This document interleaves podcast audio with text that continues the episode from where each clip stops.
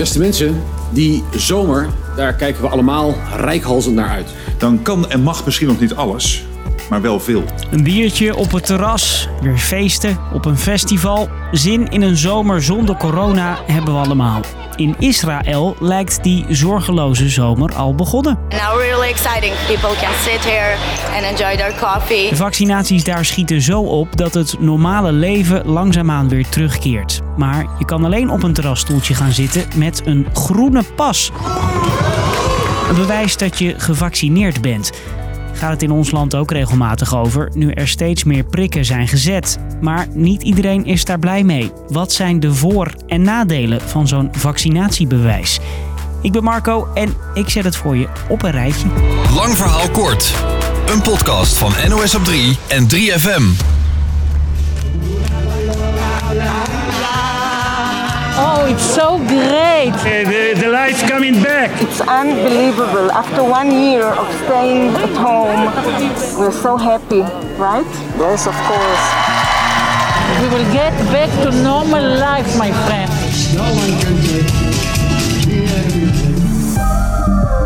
Je hoort het, veel blijdschap in Israël dat daar het oude normaal weer een beetje terug is.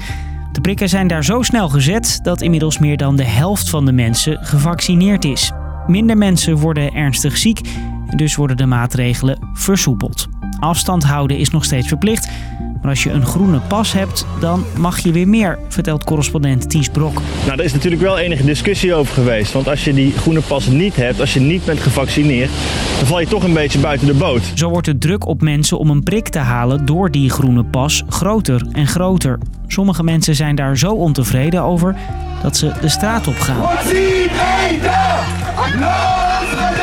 Nobody can force me to receive any medicines. There will be citizens class A and class B, the one who was vaccinated and one who were not. My body is mine. Tegenstanders willen niet indirect verplicht worden tot zo'n prik en ze willen ook geen tweedeling in de maatschappij. De premier van Israël, Netanyahu, heeft de groene pas toch doorgezet. Hij hoopt daardoor dat meer twijfelaars toch voor een vaccinatie gaan. Hij zelf heeft al een focaccia op onder een parasolletje tijdens de lunch. The Green Passport restaurant coming back to life. Now, do you want a bite? Yeah. Thank you, sir. De wereld kijkt met grote ogen naar Israël. Gaat het daar goed, dan durven andere landen ook meer open te gooien. En ook in ons land komt de discussie op gang. Wil de politiek hier ook zo'n vaccinatiebewijs? Je kan niet verwachten van gevaccineerden dat die wachten tot de laatste prik is gezet. Het is belangrijk dat we tempo maken. Dan kon zo meteen inderdaad grootmoeder wel naar het café als dat weer open, open is.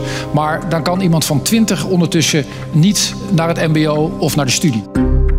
De ChristenUnie is geen voorstander. De partij is bang voor grote verschillen. Als het wordt gebruikt als een exclusief ticket voor de samenleving, dan is het echt, uh, dan heb je indirecte dwang eigenlijk. Je hoeft je dan niet te laten vaccineren, maar als jij niet naar school kunt, als je niet kunt winkelen, als je niet naar een concert kunt, ja, dan sta je helemaal langs de zijlijn. Het kabinet wil dat je ook met een negatieve test meer vrijheid krijgt. De regering maakt nu een plan hoe dat er in de praktijk uit moet zien. Laat ik heel duidelijk zeggen: niemand moet zich verplicht voelen Niemand moet verplicht worden om te bewijzen dat hij of zij gevaccineerd is. Het idee is dat je straks in een app een groen vinkje kan laten zien. En dat vinkje kan dan staan voor een negatieve test of een prik in je bovenarm. Door het zo te regelen weet degene straks aan de deur niet om welke reden jij niet besmettelijk bent en dus een groen vinkje in die app krijgt. Voor de zomer hoopt het kabinet een groen vinkje achter dit project te kunnen zetten. Oké, Israël test al volop met zo'n groene pas en Nederland werkt aan een groen vinkje. Maar op meer plekken gaat het over de vrijheden na een prik. In heel Europa wordt er over een vaccinatiebewijs gepraat. So this takes at least around three months. That is important so that expectations are not too early too high. Vooral de Zuid-Europese landen hopen op zo'n bewijs, zodat jij ook weer je tentje in de achterbak gooit om naar Frankrijk te rijden voor een vakantie.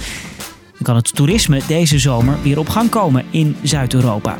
De EU maakt nu een standaard zodat alle landen eenzelfde soort vaccinatiebewijs maken. Now the member states need to implement that in their healthcare systems and their border systems. Later deze maand praten EU-leiders verder over dat bewijs. En voor de zomer hoopt de EU dat het af is. Net op tijd dus voor de vakantie. In Israël zijn ze ook daar sneller mee. Het land maakt nu al plannen voor vakanties, vertelt correspondent Ties Brok. Israël heeft al akkoorden gesloten met twee landen, met Griekenland en met Cyprus, die het mogelijk moeten gaan maken dat gevaccineerde mensen uit die landen hier vakantie kunnen vieren. Dus, lang verhaal kort, een vaccinatiebewijs is al ingevoerd in Israël. Daar kun je weer naar de kroeg als je geprikt bent. Maar daar is kritiek op. Sommigen vinden dat daardoor de druk om een vaccin te halen te groot wordt. In Nederland wil de regering dat je ook met een negatieve test een groen vinkje krijgt, zodat je daarmee meer vrijheid hebt. En ook de EU praat over dat idee door, zodat je misschien deze zomer weer op vakantie kan met een vaccinatie of een negatieve test. Dat was hem weer, deze lang verhaal kort.